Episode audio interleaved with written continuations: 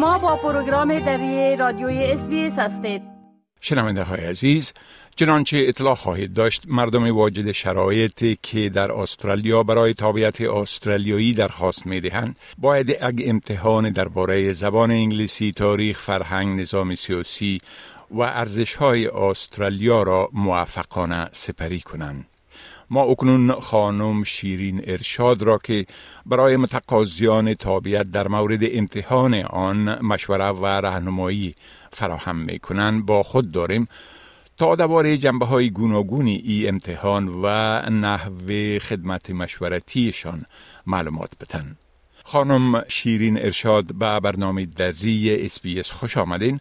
اولتر از همه اگر بگوین که ای فراهم کردن مشوره و راهنمایی در مورد امتحان تابعیت ابتکار شخصی خود شماست یا در همکاری و هماهنگی با کدام نهاد دیگه ای کار می‌کنین؟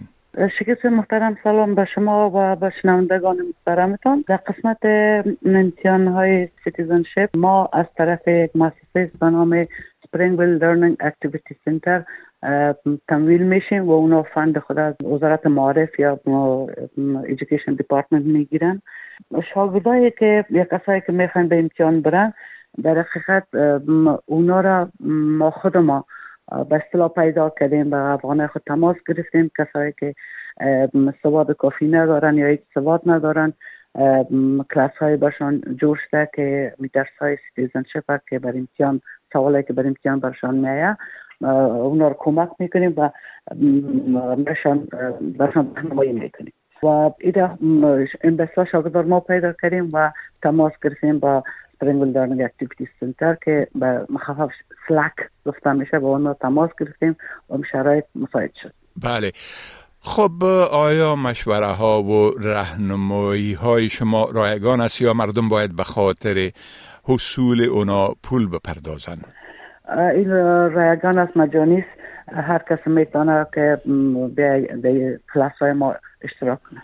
خب حال اگر در باری ماهیت امتحان معلومات بتین و بگوین که در امتحان تابیت عمدتا درباره چی موضوعات سوال پرسیده میشه؟ خب هدف از امتحانات که یعنی قبلا وجود نداشت شش هفت سال آخر امتحانات ترتیب دارند هدف از این امتحاناتی است که کسایی که در استرالیا زندگی می‌کنن حداقل انگلیسی را باید یاد داشته باشند بفهمن.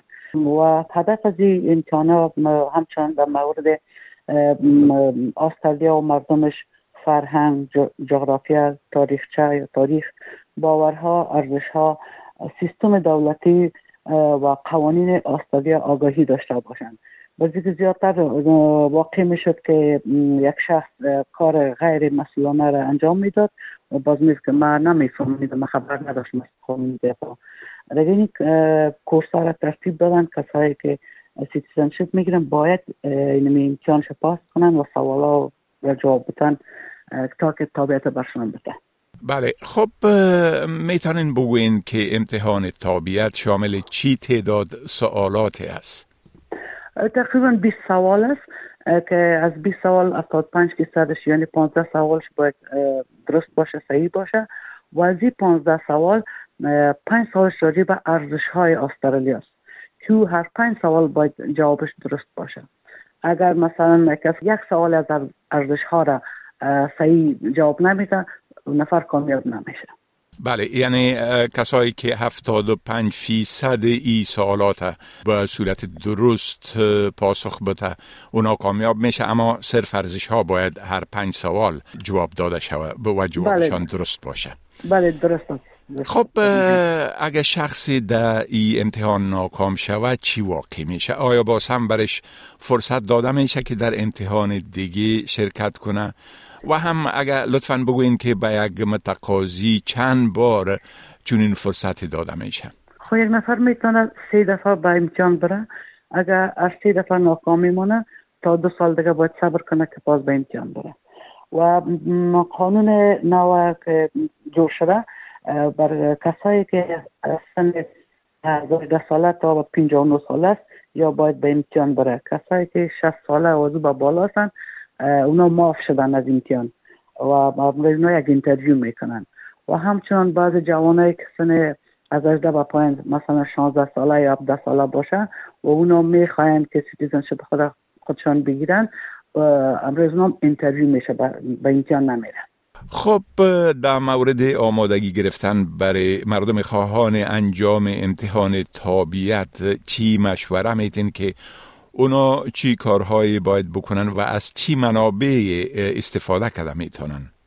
خب کسایی که سواد دارن و یک چیز انگلیسی هم قبلا می‌فهمن اونا ضروری نیست که در کلاس کلاس های ما اشتراک کنن اسم های ما در گوگل وقت اگر تایپ کنن common bond اما کتاب راجع به citizenship و امتحانش ساخته شده کتابش اونجاست.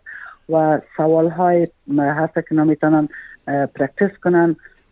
تا برای امتحان آماده شوند. می‌تونن خودشان مستقیم گوگل کنن.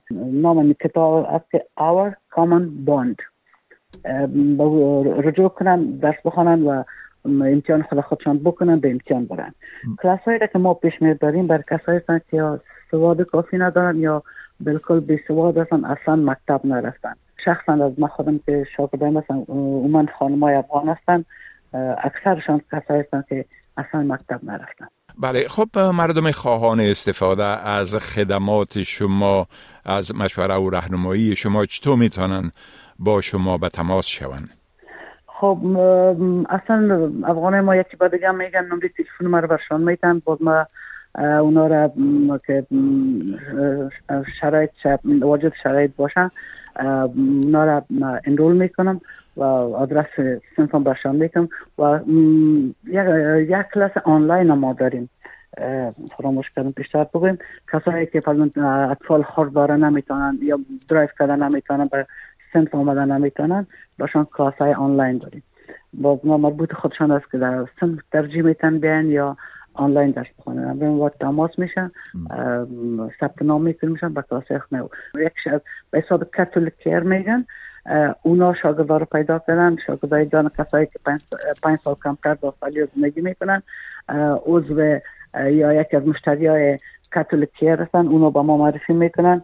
باز ارگانیزیشن بگن است که افغان اومن ارگانیزیشن میگن.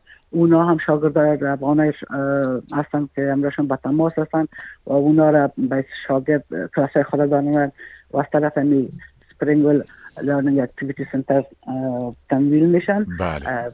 خب یک بعد میگن اصلا سایت خاص ندارن به کلاس بله خب خانم شیرین ارشاد ازی که دعوت ما را برای مصاحبه پذیرفتین. و از معلومات مفیدی که در مورد امتحان تابعیت ارائه کردین از شما صمیمانه تشکر می‌کنم و برتان موفقیت می‌خوایم. تشکر از شما لطف کردین. تشکر. بپسندید شریک سازید و نظر دهید. اسپیس دری را در فیسبوک تعقیب کنید.